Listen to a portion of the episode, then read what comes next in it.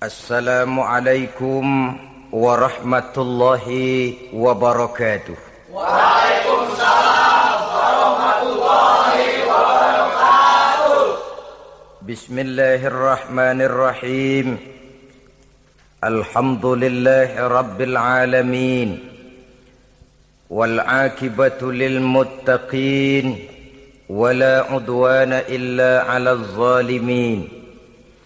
والصلاة والسلام على أشرف الأنبياء والمرسلين إمام المتقين سيد الغر المحجلين وعلى آله وأصحابه المجاهدين الطاهرين. أما بعد Saudara-saudara kaum muslimin rahimakumullah Nabi Musa alaihi salam adalah salah seorang nabi yang termasuk di dalam kelompok ulul azmi. Lima di antara yang terbesar. Beliau mendapat gelar kalimullah. Artinya Rasul yang pernah diajak dialog langsung oleh Allah subhanahu wa ta'ala. Seperti yang kita maklum bahwa di zaman Nabi Yusuf alaihi salam beliau membawa serta seluruh keluarganya untuk tinggal di Mesir. Maka berkembang biaklah keturunan Bani Israel di tanah Mesir.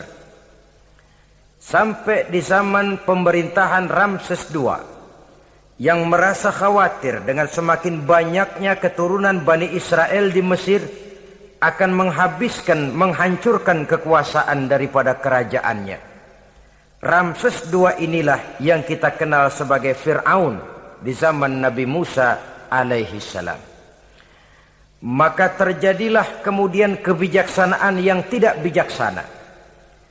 Orang-orang tua dari Bani Israel dikerjakan secara paksa. Membangun bangunan-bangunan mercusuar. Kemudian bayi-bayi dari Bani Israel dibunuh.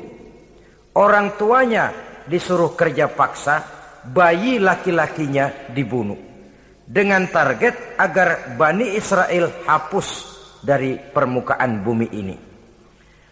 Tetapi kehendak Allah pasti juga akan terjadi. Maka lahirlah Nabi Musa alaihi salam yang kelahirannya disembunyikan oleh orang tuanya dari pengetahuan umum. Namun bagaimanapun disembunyikan, Kekhawatiran itu datang juga di hati ibu Nabi Musa alaihi salam. Allah kemudian memberikan ilham kepada ibu daripada Nabi Musa. Masukkan anakmu ke dalam satu peti, hanyutkan di sungai Nil. Itu dilakukan oleh ibu, Nabi Musa alaihi salam. Dimasukkannya bayi Musa ini ke dalam peti, ditutup rapat, dihanyutkan di sungai Nil Kemudian ibu tadi memerintahkan saudara perempuannya untuk mengikuti ke mana peti ini hanyut di, di bawah arus sungai Nil. Adapun peti ini kemudian hanyut dibawa oleh arus sungai Nil memasuki istana Fir'aun. Maka permaisuri atau istri daripada Fir'aun melihat peti hanyut itu diperintahkan tentaranya untuk mengambil peti tadi manakala peti terbuka berisi seorang bayi laki-laki yang sangat mungil, sangat gembiralah istri daripada Fir'aun. Diusulkannya kepada suaminya agar bayi laki-laki tadi diambil saja, dijadikan sebagai anak angkat, dipelihara dan dibesarkan dalam istana. Fir'aun menerima usul daripada istrinya. Maka sejak saat itu dijaga, dipelihara dan dibesarkanlah Nak Musa alaihi salam di lingkungan istana Fir'aun laknatullah alaih. Begitulah ia memasuki masa remajanya. Tumbuh sebagai anak angkat daripada Fir'aun. Dengan segala fasilitas yang serba cukup di dalam istana Fir'aun. Sampai pada masanya. di mana ia kemudian menyadari bahwa ia sebenarnya bukan dari keturunan orang-orang Mesir tapi berasal dari keturunan Bani Israel. Sehingga satu hari ketika ia keluar dari istana ia bertemu dengan orang yang sedang bertengkar Satu dari keturunan Bani Israel, satu lagi dari orang Mesir. Musa membantu orang Israel ini melerai perkelahian, tapi kemudian Nabi Musa memukul orang Mesir tadi dan memang hebat, sekali pukul mati. Saudara-saudara, tidak sengaja Nabi Musa itu hanya memukul memberikan peringatan, tapi mati. Ini disembunyikan oleh Nabi Musa. Tapi bagaimanapun disembunyikannya. Akhirnya toh tahu. Apalagi Fir'aun sejak awal memang sudah mendapat firasat. Jangan-jangan inilah yang banyak diramalkan oleh dukun-dukunku. Ahli nujum di istanaku. Bahwa akan lahir seorang anak laki-laki dari keturunan Bani Israel. Yang akan menghancurkan kekuasaanku. Memusnahkan kerajaanku. Jangan-jangan ini orangnya. Sejak hari pertama menemukan bayi Musa, Fir'aun sudah punya firasat ke arah itu. Tapi karena kalah oleh desakan istrinya, maka diterimalah Musa untuk dibesarkan di dalam lingkungan istana. Sehingga akhirnya oleh karena perasaan bersalah ini, Nabi Musa melarikan diri. Melarikan diri dari istana Fir'aun. Setelah nyata-nyata bahwa dia memang keturunan Bani Israel. Melarikan dirilah Nabi Musa alaihi salam keluar dari Mesir menuju negeri Madian. Di dalam pengembaraannya, saudara-saudara, di satu lembah Nabi Musa ketika itu belum menjadi nabi, pemuda Musa ketika itu sedang beristirahat. Dari kejauhan dilihatnya orang sedang berdesak-desakan. Rupanya adalah pengembala-pengembala kambing yang akan mengambil air dari dalam sumur. Mereka berdesak-desakan, berebut karena sumur cuma satu yang ambil air kelewat banyak. Di antara desakan-desakan orang itu, Nabi Musa melihat dua orang wanita, kakak beradik, minggir saja. Tidak ikut berdesak-desakan. Nabi Musa menghampiri dua wanita tadi. Kamu sedang apa di sini? Kami sebenarnya ingin mengambil air Kenapa tidak ikut berdesak-desakan? Itulah soalnya. Mereka laki-laki semua gagah perkasa pula. Kalau kami ikut berdesak-desakan, bagaimana jadinya kami? Biarlah kami mengalah menunggu sampai mereka selesai semuanya, baru kami akan mengambil air. Mengertilah Nabi Musa bahwa wanita kakak beradik ini demikian halus akhlaknya. Gak mau berdesak-desakan sama orang laki. Budi pekertinya sedemikian luhur. Tungguin aja dah, ntar juga beres. Kalau semua udah kan pada minggir, kita nggak pakai berdesak-desakan. Saudara hadirin menyadari kodrat kewanitaannya.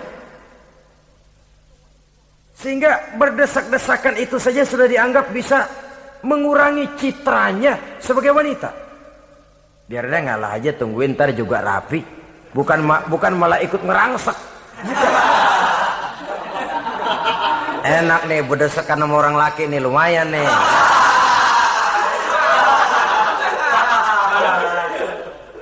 Sepintas itu saja sudah cukup bagi Nabi Musa, pemuda Musa untuk menilai akhlak daripada wanita itu tadi. Oh, kalau kamu nunggu begini aja lama kata Nabi Musa. Sudah, sini saya tolongin. Diambil embernya, Nabi Musa ikut berdesakan. Karena Nabi Musa, Musa memang kuat badannya, Gak lama sudah dapat air. Sedorakan ke sana. Si wanita segera tahu bahwa pemuda ini begitu baik budi pekertinya. Mau menolong orang yang dalam kesusahan. Akhirnya, bagaimana kalau kamu ikut saja ke rumah saya. Bapak saya sudah tua, senang hatinya kalau kamu ikut ke rumah kenalan sama bapak saya. Ayolah, ayolah. Berangkatlah dalam perjalanan si wanita ini berjalan duluan, Nabi Musa di belakang. Kemudian Nabi Musa bilang, "Eh, sebentar, sebentar. Saya duluan, kamu belakangan." Kenapa rupanya? Angin nakal bertiup menghembus pakaian si wanita sehingga memberikan gambaran yang agak jelas tentang warna, bentuk, postur badan si wanita itu tadi. Sekarang Musa yang menunjukkan budi pekerti yang luhur. Gak mentang-mentang ditiup angin. Nah, mumpung nih.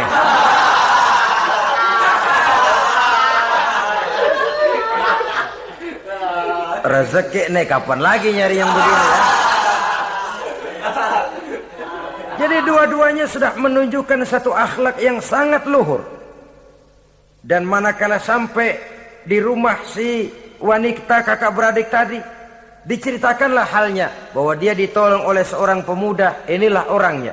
Sangat bersuka cita lah hati orang tua kedua wanita itu tadi. Lalu usul si wanita tadi, "Pak, kita kan di sini banyak punya kambing, nggak ada yang bantuin gembala, bapak sudah tua, kalau ini orang kita minta tinggal di sini saja gimana pak? Ya terserah kamulah. Akhirnya Nabi Musa tinggal di sana. Menurut satu riwayat 8 tahun ikut mengembalakan kambing. Dan orang tua tadi tidak lain adalah Nabi Shu'aib alaihi salam yang pada akhirnya kemudian Nabi Musa dikawinkan dengan wanita itu tadi. Setelah berumah tangga, Nabi Musa ingat kembali bahwa ia sesungguhnya keluar dari Mesir karena menghindarkan diri. Bahwa kaumnya Bani Israel hidup di Mesir itu tertindas di bawah rezim kekuasaan Fir'aun yang zalim. Dikerjakan secara paksa. Wanita dipermalukan. Bayi-bayi laki-laki dibunuh. Tergerak hatinya. Iya dia sudah enak. Punya mertua bijaksana. Punya istri cantik. Hidup tenang sebagai pengembala kambing. Tapi nurani kebangsaannya berontak. Saya tidak boleh bersenang-senang sementara bangsa saya ditindas. Saya tidak boleh menari di bangkai di atas bangkai saudara saya. Saya tidak boleh tersenyum di atas penderitaan saudara-saudara saya. Saudara-saudara saya Bani Israel merintih di bawah penindasan Fir'aun. Saya harus membebaskan mereka. Diceritakanlah hal ini kepada mertuanya. Wah, ya, kalau kalau pakai bahasa mertua, saya mau kembali ke Mesir. Untuk apa Musa? Untuk menyelamatkan saudara-saudara saya Bani Israel yang masih dalam cengkraman kesoliman rezim Fir'aun. Saya harus membebaskan mereka. Ya kalau memang itu tekadmu nak, berangkatlah. Bapak mengiring mengimu dengan doa. Berangkatlah Nabi Musa bersama istrinya. Sampai ketika beliau sedang istirahat di satu lembah dari kejauhan beliau melihat ada api menyala. Beliau berkata kepada istrinya, "Kau tunggu di sini. Tidak lama saya akan kembali. Saya akan menghampiri api itu." Berangkat Nabi Musa ke arah api menyala tadi. Makin didekati makin terang sinarnya. Sampai kemudian terdengar suara, "Ya Musa, ini ana rabbuka, fakhla' na'laik." innaka bil wadil muqaddas tuwa wa ana ikhtartuka fastami' lima yuha. Wahai Musa akulah Tuhanmu. Bukalah terompahmu. Sesungguhnya engkau berada di satu lembah yang disucikan bernama lembah tua. Aku telah memilihmu Musa dan sekarang dengarlah apa yang diwahyukan kepadamu pada saat itulah turun wahyu pertama dan resmilah sudah Nabi Musa diangkat menjadi rasul oleh Allah Subhanahu wa taala di satu lembah di Bukit Tursina. Apa wahyu yang pertama turun? Bunyinya Innani anallah la ilaha illa ana fa'budni. Sesungguhnya aku inilah adalah benar-benar Tuhanmu. Tidak ada Allah selain daripada aku maka hendaklah engkau hanya beribadah menyembah kepadaku. Ini umum, saudara. Semua rasul yang diutus Allah, inilah ajaran prinsipnya. Anallah, la ilaha illa ana. Akulah Allah Tuhanmu. Tidak ada Tuhan lain selain Allah. Semua rasul membawa ajaran ini. Oleh sebab itu, bukan hanya sekadar percaya kepada Tuhan saja yang penting. Sudahlah, sudahlah, pokoknya kan percaya kepada Tuhan. Iya, Tuhan yang mana?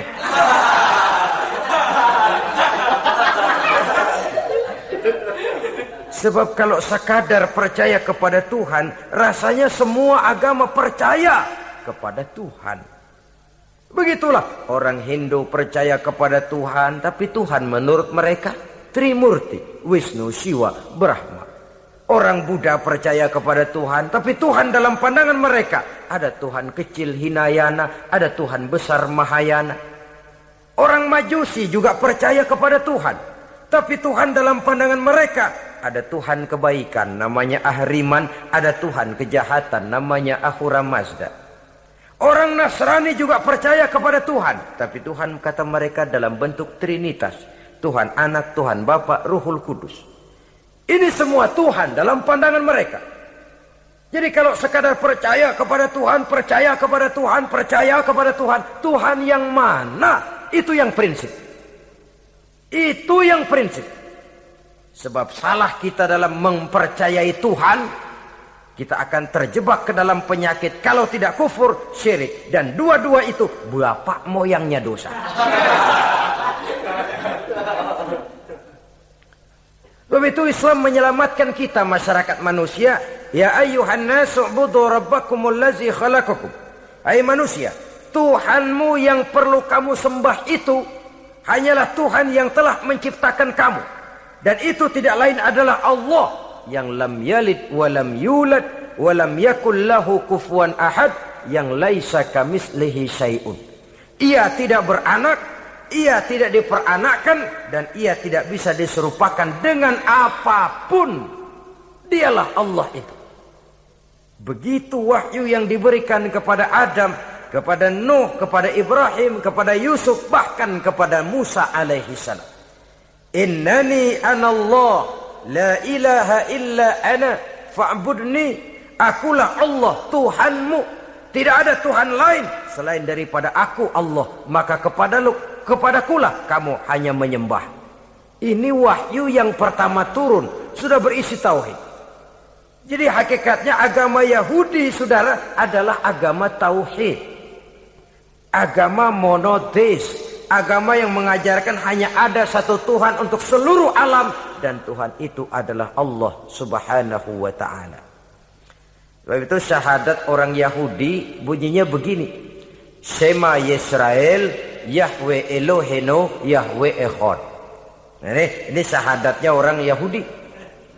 Itu perbedaan bahasa Suryani Ibrani dengan bahasa Arab. Kita Isma itu bahasa Arab, dia Shema Isma, sema, sema Yisrael, Yahweh Elohenu, Yahweh Echad, Ahad Echad.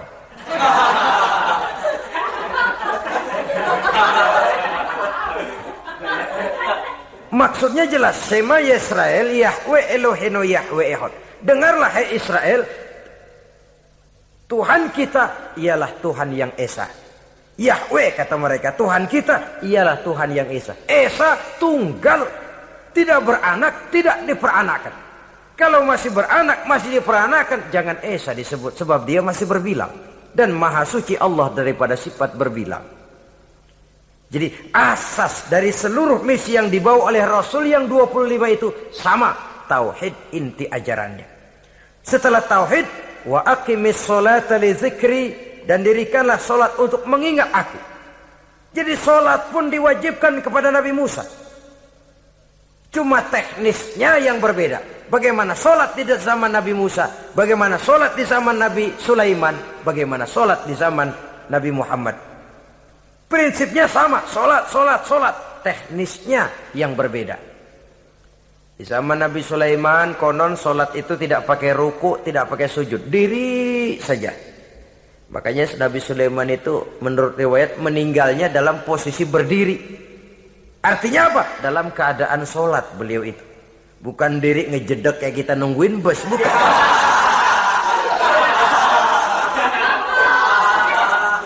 Berdiri dalam kondisi sholat.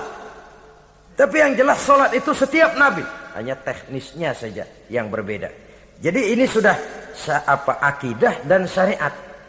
Akulah Allah Tuhanmu. Tidak ada Tuhan lain selain aku. Ini kan akidah. Yang kedua, wa aqimis sholata li zikri, syariat.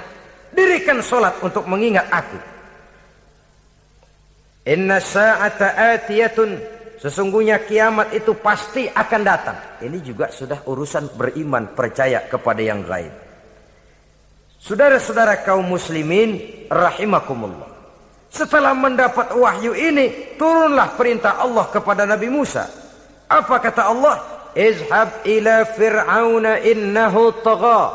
Sekarang Musa, berangkatlah kamu menuju Fir'aun. Ia telah melampaui batas. Berangkatlah kamu ke sana Musa, hadapi Fir'aun, sampaikan dakwah ini, ia telah melampaui batas. Innahu tagha, ia telah berlebih-lebihan. Nah, saudara-saudara, jadi dua fungsi sudah. Kalau pada mulanya Nabi Musa berniat kembali ke Mesir hanya untuk membebaskan kaumnya Bani Israel. Sekarang malah bertambah. Tidak hanya sekedar itu, malah lebih utama adalah menyampaikan risalah. Menyampaikan misi kerasulannya. Menyadarkan Fir'aun, menegakkan tauhid, mengembangkan syariat. Bertambahlah tugas Nabi Musa. Sebagai pejuang bangsa, juga sebagai mujahid, pejuang agama. Pada mulanya sebagai pejuang bangsa tuh.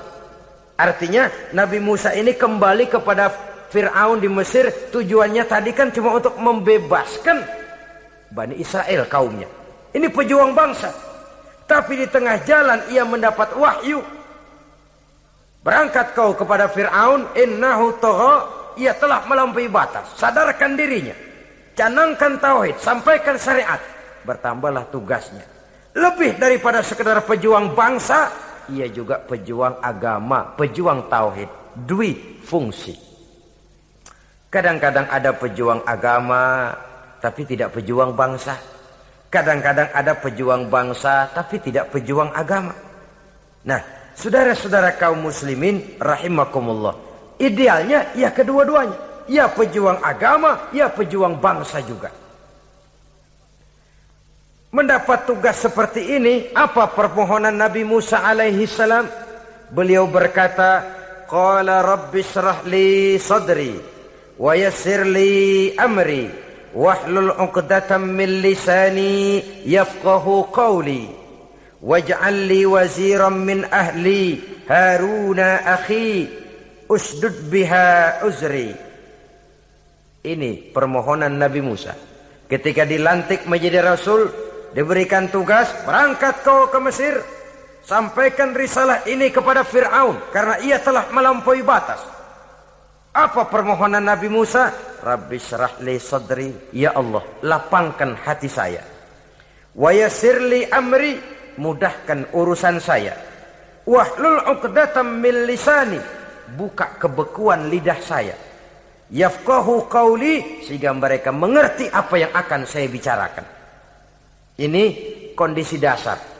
Memulai satu perjuangan dengan persiapan dasar apa permohonan pertama? Israh li sadri. Lapangkan jiwa saya.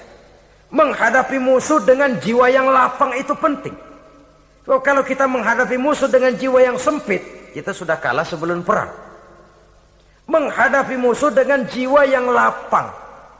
Artinya masih berharap kalau kalau dia mau mengikuti ajaran ini. Jadi pada tahap pertama itu datang bukan sebagai orang yang mau membasmi tapi sebagai orang yang mau menyelamatkan. Ini perlu jiwa yang lapang. Sebab dakwah Nabi Musa itu kan pertama menyadarkan Fir'aun dulu. Nanti akan kita lihat setelah disadarkan dengan kata-kata tidak kena juga dengan bukti berupa mukjizat. Masih bandel juga. Musa mohon supaya dikirim bencana. Masih nggak mempan juga. Habis deh urusan.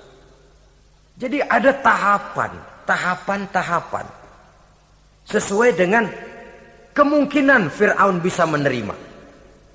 Sama juga bayi. Bayi itu kan kalau baru lahir ke dunia, brol, kasih susu emaknya dulu. Gedean dikit, bubur. Gedean lagi, nasi uleg dah. Udah gede betul, nasi. Udah gede banget, jengkol jijelin.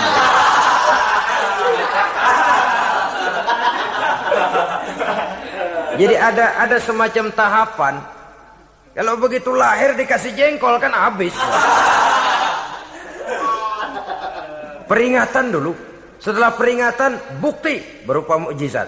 Dihadapkan dengan sihir, menang mukjizat. Masih tidak mempan juga, teguran, dikirimkan azab, dikirimkan bencana. Masih tidak mempan juga, sudah ditenggelamkan oleh Allah di lautan merah. Itu akan akan kita ceritakan kemudian nanti. Jadi apa yang diminta oleh Nabi Musa ya Allah lapangkan hati saya menghadapi Fir'aun ini Fir'aun CS Fir'aun Haman dan lain-lain dan jangan lupa Fir'aun itu cuma ya hakikat tapi juga simbol. Hakikatnya memang ada yang namanya Fir'aun itu. Simbol karena Fir'aun selalu berkembang. Di setiap zaman, di setiap tempat. Fir'aun selalu ada. Cuma liciknya Fir'aun ini ke mana dia pindah ke situ dia ganti nama. Orang sering lupa. Padahal isinya Fir'aun. Namanya bisa Hitler, namanya bisa Mussolini, namanya bisa Stalin. Tapi isinya Fir'aun. Ke mana dia tinggal? Di situ dia ganti nama. Simbol dari kekuasaan yang terlepas dari kontrol iman. Simbol dari kekuasaan yang menyebabkan orang lupa diri dan lupa daratan. Dan sebenarnya mah Fir'aun mulanya cuma raja tuh. Raja doangan dia. Cuman kelamaan jadi raja kagak mau turun-turun. Akhirnya dia menganggap tidak ada yang lebih tinggi daripadanya. Apalagi ketika Nabi Musa datang mengajarkan ada Tuhan lain, yaitu ada Tuhan yang sebenarnya yaitu Allah. Lah Fir'aun sampai kepada puncak kekurang ajarannya memproklamirkan diri sebagai Tuhan. Ana rabbukumul a'la. Bukan karena kebodohannya sebenarnya, tapi karena gengsi kekuasaannya. Nah ini, gengsi kekuasaan ini sering menyebabkan orang overacting. Fir'aun bukan bodoh, bukan. Fir'aun bukan tidak tahu kalau Musa itu benar, tahu. Fir'aun bukan tidak ngerti kalau itu mujizat, sihir kalah, tahu. Tapi gengsi kekuasaan. Gua kan raja. Masa di depan rakyat tunduk sama Musa? Gengsi dong.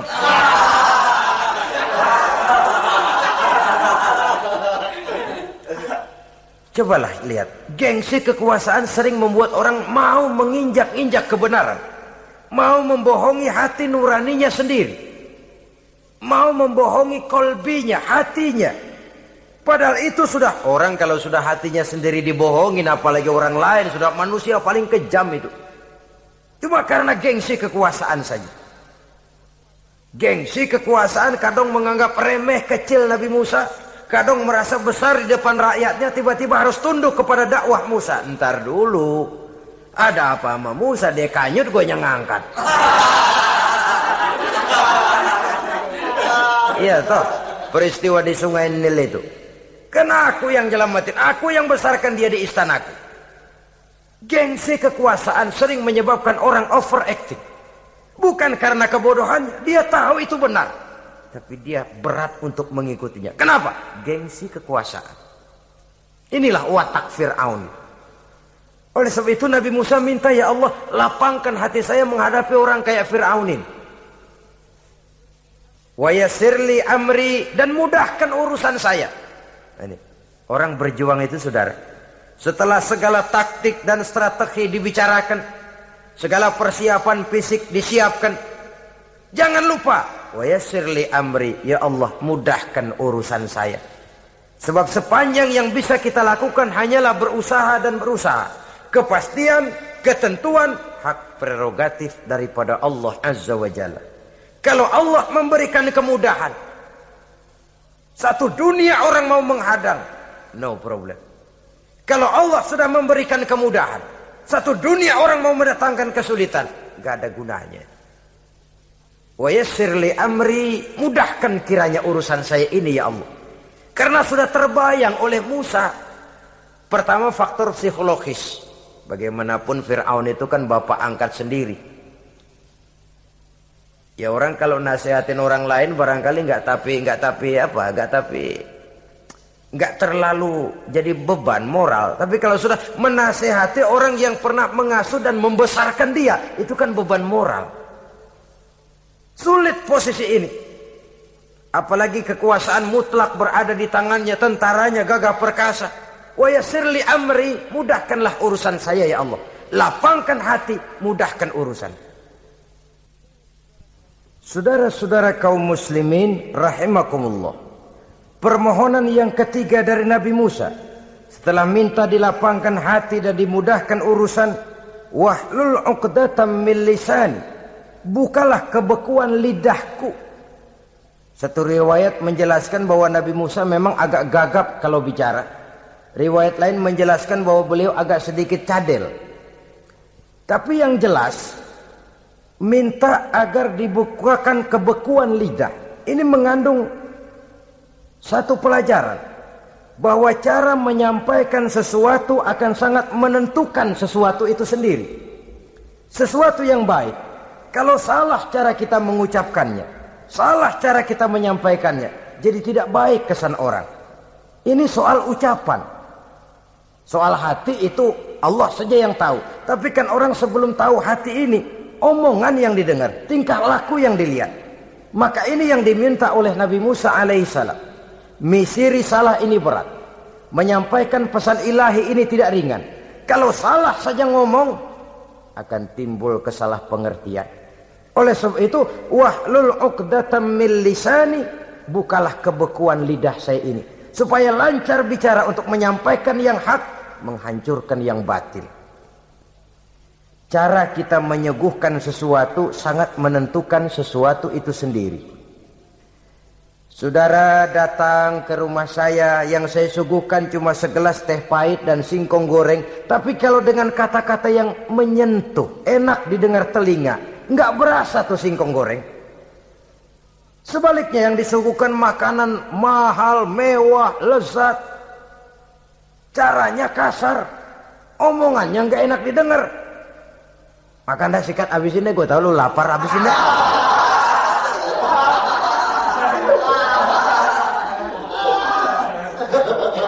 Rasanya biar lapar juga nahan juga gitu. Apa itu? Bukan makanannya yang tidak enak. Bukan kita nggak doyan, bukan. Caranya itu loh. Caranya. Nah, Islam ini agama yang baik. Kalau disampaikan dengan kata yang tidak baik, akan timbul, oh Islam kok gitu ya. Nah ini, ini yang tidak diinginkan oleh Nabi Musa. Wahlul uqdatam min lisani. Kita begitulah dalam kehidupan ini kadang mendengar satu ceramah bisa berurai air mata, bisa histeris, bisa gembira. Kenapa? Kepandaian orang menyampaikannya. Bicara dia dua tiga jam rasanya baru lima menit. Baru sebentar kok tahu-tahu sudah selesai. Ada yang udah setengah jam, baru seperempat jam ngomong. Udah rasanya udah kayak tiga jam.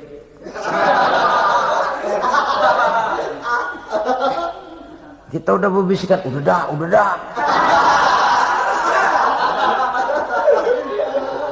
Wahlul uqdatam min lisani. Targetnya apa? Yafqahu qawli. Agar mereka memahami.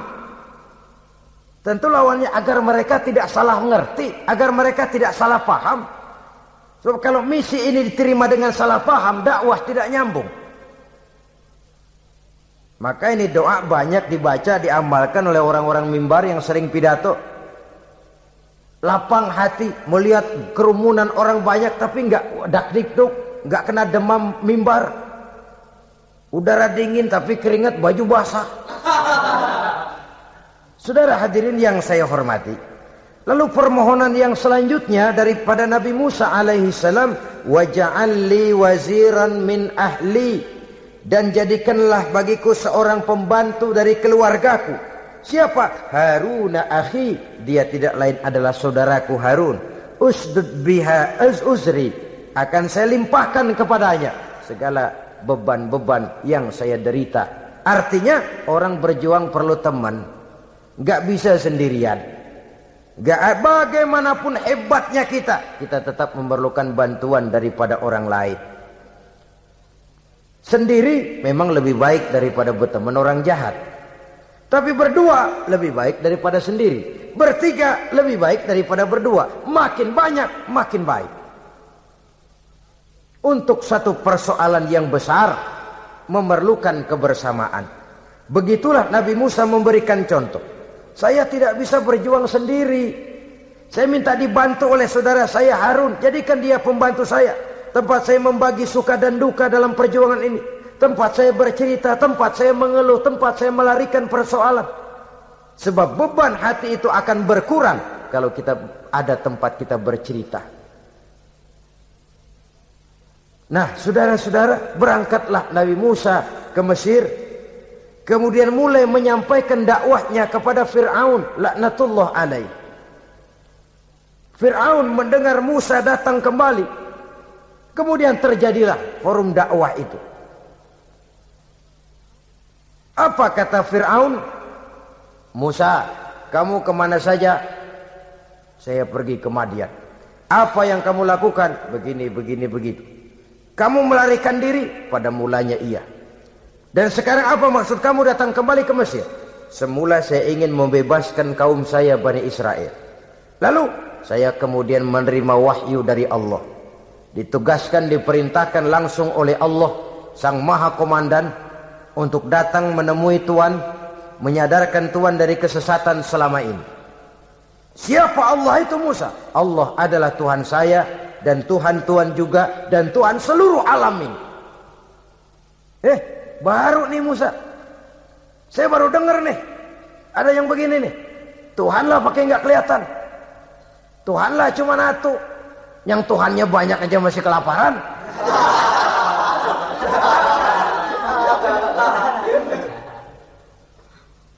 Di mana Tuhan? Tuhan saya bersemayam di aras tempat yang sangat tinggi.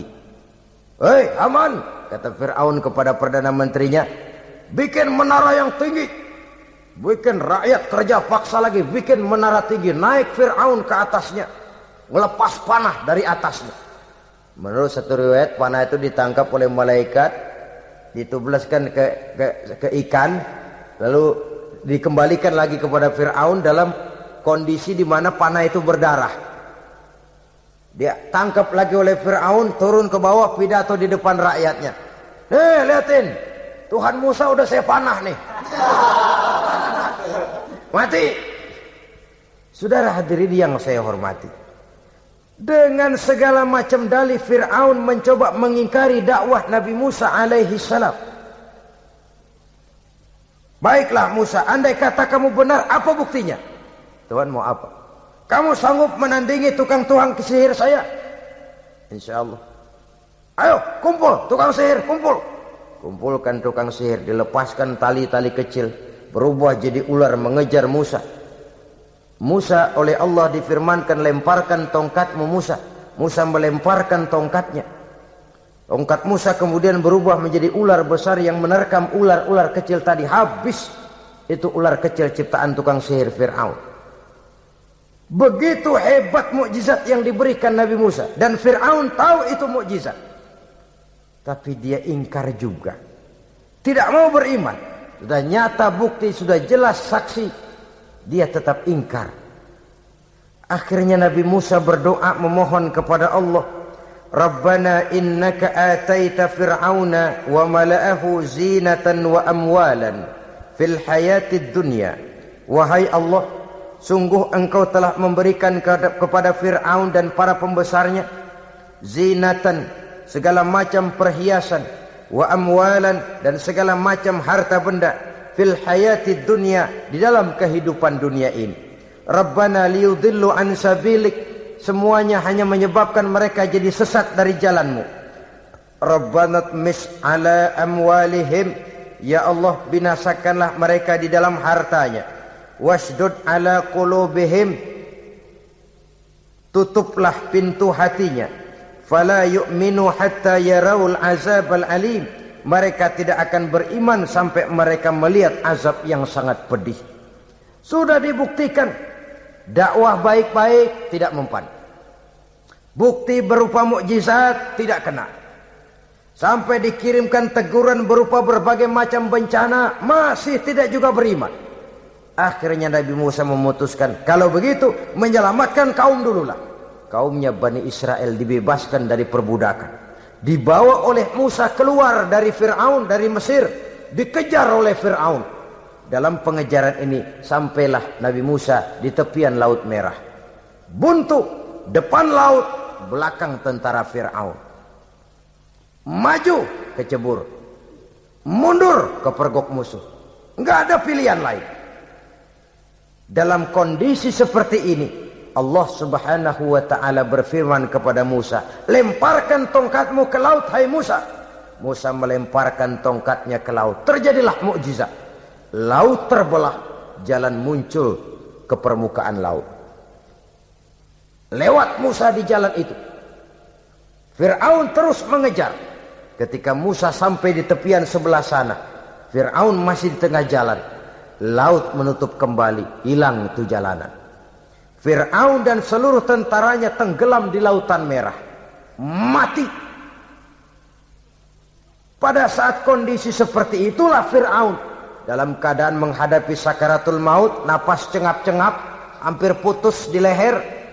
Berkata dia, amantu bi Rabbi Musa wa Harun. Kalau begini mah saya juga percaya dah sama Tuhan. Percaya dah sama Tuhannya Musa dan Tuhannya Harun. Kata malaikat maut kemarin ke mana mas?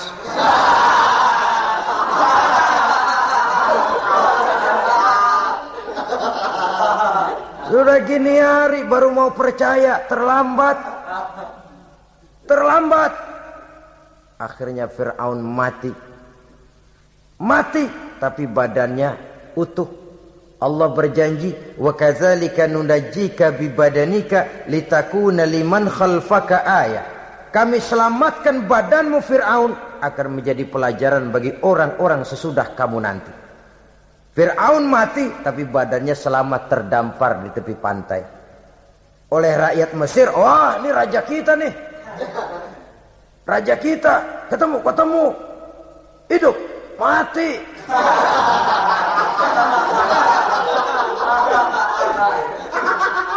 Kemudian sesuai dengan tradisi raja waktu itu, dimumilah badannya, diawetkan. Sehingga sampai sekarang jenazah atau jasad daripada Firaun ini masih tersimpan dengan baik di museum negara di Mesir itu. Saudara-saudara kaum muslimin rahimakumullah. Jadi satu hal yang bisa kita ambil pelajaran daripada riwayat perjalanan dakwah Nabi Musa ini. Bahwa dakwah menyampaikan risalah memang bukan jalan lurus dan licin bertabur bunga di kanan kirinya. Dakwah menyampaikan pesan agama, jalannya berliku, berbelok, menanjak, menurun banyak onak dan duri di sekelilingnya. Yang paling makan hati adalah apabila sudah berdakwah kepada penguasa yang zalim, seperti halnya Fir'aun ini. Bagaimanapun ia punya kekuasaan, ia punya tentara, ia bisa menghitamkan yang putih, ia bisa memutihkan yang hitam. Kalau bukan iman yang jadi landasan moral dalam perjuangan, orang mudah frustasi. Kalau berdakwah kepada rakyat kecil, resiko kurang. Kalau berdakwah kepada para pengusaha, resiko kurang. Kalau berdakwah kepada kelompok-kelompok yang tidak memegang kekuasaan, resiko kurang. Tapi kalau sudah kelompok memegang kekuasaan, yang tersinggung gengsi kekuasaannya, di situlah resikonya sedemikian besar. Ini yang dihadapi oleh Nabi Musa alaihi salam. Tapi yang dijalaninya dengan tabah, dengan tekun. Karena kebenaran memang bisa ditekan, tapi satu hal yang jelas, kebenaran sama sekali tidak akan bisa dikalahkan. Buat sementara dia bisa ditekan, tapi lambat atau cepat dia pasti akan muncul ke permukaan dan kebenaran jugalah yang akan tampil sebagai pemenang. Sebenarnya kurang apa Firaun? Kekuasaan mutlak berada di tangannya. Seluruh menteri-menterinya adalah pendukungnya belaka. Rakyat dipaksa untuk takut dan taat kepadanya. Dia adalah kekuasaan tunggal di Mesir. Sementara kaum Bani Israel berada di bawah penjajahannya, penindasannya, kesewenang-wenangannya. Dan bahkan ketika Nabi Musa sudah menyampaikan dakwahnya, Fir'aun malah sempat mengungkap jasa. Musa, kamu kok sekarang bisa begitu? Enggak ingat ya dulu. Kamu hanyut di sungai Nil, istri saya kan yang angkat. Saya yang besarkan di istana saya. Kok sekarang kamu bisa ngelawan saya sih? Ini biasa. Apa jawab Nabi Musa? Eh, kenikmatan yang kau berikan kepada saya belum seberapa ketimbang penghinaanmu kepada kaum saya Bani Israel. Jangan kau menyangka Fir'aun kalau saya kau bikin senang, saya lalu akan mau mengkhianati bangsa saya sendiri. Tidak. Sama sekali kesenangan yang kau berikan kepada saya tidak akan menutup mata saya dari kondisi yang dihadapi oleh kaum saya, oleh umat saya. Mereka tersiksa, mereka menderita, mereka merana. Haruskah saya lupakan mereka cuma karena saya sudah tinggal di istanamu, engkau yang membesarkan. Padahal kau pun membesarkan saya bukan karena kemauanmu, desakan daripada istrimu. Jangan ngitung-ngitung jasa Fir'aun. Andai kata pun jasamu ada kepada saya. belum seberapa ketimbang penghinaanmu kepada bangsa saya Bani Israel. Di situ Nabi Musa menunjukkan sifat nasionalisme yang sangat tinggi. Rasa nasionalisme yang sangat mendalam. Kadang-kadang kan orang ya seperti di zaman penjajahan Belanda karena diangkat jadi tuan tanah bangsanya sendiri diinjak-injak. Karena diangkat jadi centeng dikit doh, kumis mbaplang doh bukan main. Bangsanya sendiri diinjak-injak. Fir'aun mengingatkan ini. Kalau cara kita lo gede di sini, makan di sini, ah, segala macam di sini dah. Masa lupa kacang sama kulitnya? Kasarnya mah lu bisa begini ini Musa nih gue yang rawatin lu. Saya yang menjagamu, mengangkatmu dari sungai Nil. Masa sekarang sudah gede begini kamu mau berhadapan dengan saya? Punya pikiran dong dikit kalau cara kita. Mikir dong mikir. Dulu lagi kayu di Nil siapa yang angkat? Musa tidak membantah. Betul itu Fir'aun. Betul. Tapi apalah artinya semua itu. Ketimbang penghinaan yang engkau berikan kepada bangsa saya. Saya tidak mungkin menari-nari di atas bangkai umat saya. Saya tidak mungkin bersenang-senang di atas penderitaan kaum saya. Dan saya tidak mungkin senyum ceria di atas derita daripada kaum saya. Dengan tidak melupakan jasamu, saya tidak akan merubah pendirian saya. Saya ingin membebaskan penjajahan. Saya ingin membebaskan kaum saya Bani Israel dari belenggu penindasan. Kalau engkau sudah tidak mau mendengar dakwah yang saya sampaikan, tidak mau bertuhan Allah, tidak mau menyembah kepadanya, tetap dengan keangkuhan dan kesombonganmu sekarang ini, okelah, berjalanlah dengan keyakinanmu. Tapi saya harus membebaskan kaum saya, Bani Israel. Saudara-saudara kaum muslimin rahimakumullah. Itulah jalan dakwah, jalan menyampaikan risalah agama, risalah Islam. Sekali lagi, bukan jalan lurus bertabur bunga. Tapi agama memberikan ajaran, balighu anni walau ayat. Sampaikan dari aku walaupun cuma sekedar satu ayat saja. Tugas ini memang mulia tapi berat. Tugas ini memang terhormat tapi penuh resiko. Ya kalau menyampaikan asal sekedar menyampaikan Sudahlah, sudahlah Pokoknya nyampaikan percaya syukur kagak udah dah. Bukan cuma sekadar itu Ada semacam tanggung jawab moral. Maka kondisi dasar yang dihadap, yang dilakukan oleh Nabi Musa Permohonan yang tadi itu Ya Allah lapangkan hati saya. Jalan ini penuh onak dan duri Berliku menanjak menurun banyak halangan, tentangan, rintangan dan fitnahan. Kemudian mudahkan urusan saya. Menentang kekuasaan Fir'aun bukan perkara ringan. Bukan urusan main-main. Menentang raja yang sedang berkuasa. Kekuasaannya mutlak, otoriter pula. Diktator murni Fir'aun itu. Mudahkan urusan saya menghadapi jalan ini ya Allah. Karena tidak mungkin menurut otak Mana bisa kata kebiasaan, impossible kata rasio. Kalau Allah mau memudahkan, semua jalan akan terbuka dengan mudah. Tapi kalau Allah yang mempersulit, bagaimanapun matangnya perhitungan strategi, taktik, rencana, program, planning, kalau Allah mempersulit, jalan itu akan jadi buntu jadinya. Oleh sebab itu maka persiapan zohir harus diimbangi dengan persiapan batin. Untuk menegakkan sesuatu yang hak menghancurkan sesuatu yang batil sebagaimana yang dilakukan oleh Nabi Musa alaihi salam ini. Dan segala macam tantangan dihadapi oleh Nabi Musa. Kau menyampaikan risalah bahwa engkau rasul? Ya. Kau punya bukti? Siap. Apa buktimu? Ini tongkat dilempar jadi ular tangannya dimasukkan ke saku baju lalu dikeluarkan bersinar gemerlapan lebih sinar dari lampu merkuri Sampai Fir'aun silau dibuatnya bersesudah Musa sudah masukkan tanganmu lagi, masukkan tanganmu lagi. Dia tahu, dia sadar itu bukan sihir. Tapi lagi-lagi gengsi kekuasaannya. Sehingga pantas kalau Nabi pernah bersabda, Afdalul jihad kalimatu haqqin inda imamin jair. Jihad yang paling besar adalah mengucapkan kebenaran di atas di depan penguasa yang solid. Menyampaikan kebenaran di hadapan penguasa yang zalim. Tapi kan berat, saudara. Sulit. Apalagi kalau belum apa-apa udah ngeri. Ah, udah, jangan dah, jangan dah.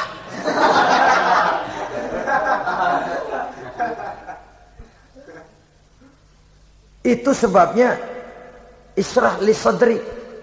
Lapangkan hati saya. Saya tidak punya kepentingan apa-apa kecuali menyampaikan kebenaran. Kalau sudah ada kepentingan pribadi itu yang sering jadi handicap. Itu yang sering jadi jurang pemisah antara kita dengan orang yang akan kita sampaikan kebenaran tadi. Saudara-saudara kaum muslimin rahimakumullah, maka terasa benar relevannya doa yang diajarkan oleh Rasul kepada kita. Allahumma arinal haqqa haqqa warzuqna tiba'ah wa arinal batila batilan warzuqna ijtinabah. Ya Allah tunjukkan kepada saya bahwa yang benar itu benar, berikan saya kekuatan untuk mengikutinya. Ya Allah tunjukkan kepada saya bahwa yang salah itu salah, berikan saya kekuatan menghindarinya. Kenapa? Orang sering tahu bahwa itu benar, tapi tidak berdaya mengikutinya. Seperti Fir'aun tahu bahwa Musa itu benar. Abu Jahal, Abu Lahab juga tahu bahwa Nabi Muhammad itu benar. Abrahat juga tahu bahwa Nabi Ibrahim itu benar. Namrus juga tahu Ibrahim itu benar. Tapi mereka tidak berdaya mengikuti kebenaran karena gengsi kekuasaannya. Kadang kita tahu bahwa itu salah. Salah itu. Tapi karena dilakukan oleh orang yang punya kekuasaan, kita lalu tidak berdaya menghindarinya. Malah terjebak ikut-ikutan salah. Lalu menghibur-hibur diri. Sudahlah, sudahlah, tak ada gading yang tak retak. Bukankah dengan demikian kita sudah melegimitir kesalahan? Tahu bahwa itu benar dan mampu mengikutinya, itu nikmat. Tapi tahu itu benar namun tidak berdaya mengikutinya, itu mendatangkan siksaan batin. Tahu itu salah dan mampu menegur, itu nikmat. Tahu bahwa itu salah tapi larut ikut salah, nimbrung dalam kesalahan, itu mendatangkan tekanan batin. Jadi tahu kebenaran itu penting. Tapi terketuk hati mengikuti kebenaran itu jauh lebih penting. Semua kita tahu Islam itu benar. Tapi semua yang tahu Islam itu benar maukah mengikuti ajaran Islam? Tidak. Tidak. Semua orang tahu kalau judi itu batil. Hatta penjudi yang paling kakak pun mesti tahu kalau itu batil, itu tidak baik. Tapi dia tidak berdaya untuk menghindarkannya. Terjebak ke dalam penyakit itu tadi. Oleh sebab itu, saudara-saudara kaum muslimin yang saya cintai. Tidak ada satu ucapan yang lebih baik. Dalam istilah Quran itu Allah menjelaskan. Wa man ahsanu qawlan mimman da'a ila Allah wa amila salihan wa qala innani minal muslimin. Ucapan siapakah yang lebih baik dalam hidup ini? Selain daripada mimman da'a ilallah. Selain daripada ucapan orang-orang yang menyeru ke jalan Allah. Orang-orang yang menyadarkan kepada agama. Ini jalan Allah, mari ikuti. Itu jalan setan, mari tinggalkan. Wa amila salihan. Tidak cukup sekedar berdakwah mengajak orang ke jalan Allah. Dia juga beramal soleh. Dia bangun rumah sakit, dia bangun madrasah, dia bangun masjid, dia makmurkan majlis salim, dia santuni yatim piatu. Wa qala innani minal muslimin. Seraya berkata, saya termasuk orang yang berserah diri kepada Allah. Da'a ila Allah wa amila salihan wa qala innani minal muslimin. Menyerukan manusia ke jalan Allah, beramal soleh, dakwah bil hal kata orang sekarang. Kemudian mereka pada akhirnya berkata, kami adalah sekelompok orang-orang yang sudah berserah diri kepada Allah. Segalanya diserahkan kepada Allah. Lahirlah kedamaian rohani, ketegaran pribadi, ketentraman batin di dalam dia melaksanakan tugasnya. Kalau tidak, maka nanti ya tuh orang kan gua ajak baik-baik nyuruh sembahyang apa gua dimusuhin. dipikirin, dipikirin, dipikirin, kurus dah. ampek gaya deh. Makan hati. Soal orang mau beriman atau tidak itu bukan urusan kita. Tugas kita hanya sekedar penyampai. Tugas Rasul hanya sekedar penyampai. Kalau dakwah sudah disampaikan, metode sudah disusun, pendekatan sudah baik. Tapi orang tidak lalu tidak mau beriman. Allahumma inni qad ballaghtu. Ya Allah, sudah saya sampaikan. Ya Allah, sudah saya peringatkan.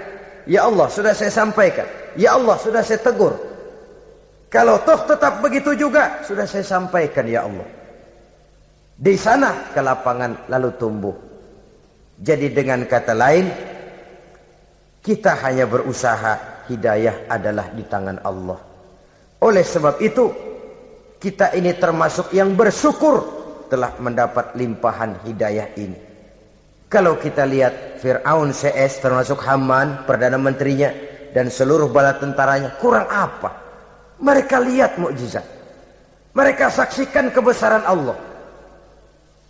Di dunia juga mereka sudah dikirim bencana, teguran kepada mereka, entah tidak juga beriman. Dan strategi Nabi Musa mula-mula dialog. Diajak ngomong, diajak bicara, diajak mikir, tukar pikiran. Allah itu begini-begini. Oh tidak bisa. Iya begini begitu. Masih tidak percaya juga. Dibuktikan. Mukjizat. Tongkat jadi ular. Tangan bisa mengeluarkan sinar. Masih ingkar juga. Keluar doanya nih. Doa yang ada dalam surah Yunus ayat 88-89. Rabbanat mis'ala amwalihim. Ya Allah cukup dah Seruan sudah disampaikan, peringatan sudah diberikan, mukjizat sudah mereka lihat, tapi nggak juga mau beriman. Buresin aja harta bendanya dah. Habisin aja. Habisin aja, habisin dah. Dikasih perhiasan kehidupan dunia. Innaka ataita fir'auna wa mala'ahu zinatan wa amwalan. Dikasih harta, kesenangan dunia, bikin sesat. Habisin aja dah. Was wastud ala qulubihim hatinya empat aja empat dah udah dipatri udah nggak mempan apa-apa udahlah ya Allah wala yu'minu hatta yaraul azab al alim rasanya mereka memang nggak bakal mau beriman kalau belum melihat azab yang sangat pedih dan memang setelah timbul tenggelam napas mau sekarat baru beriman terlambatlah sudah Nah, saudara-saudara kaum muslimin rahimakumullah. Bagaimana akhir daripada perjalanan Nabi Musa ini insya Allah akan kita bicarakan pada pertemuan berikutnya. Terima kasih atas perhatian saudara. Mohon maaf atas segala kekurangan. Wassalamualaikum warahmatullahi wabarakatuh. Waalaikumsalam.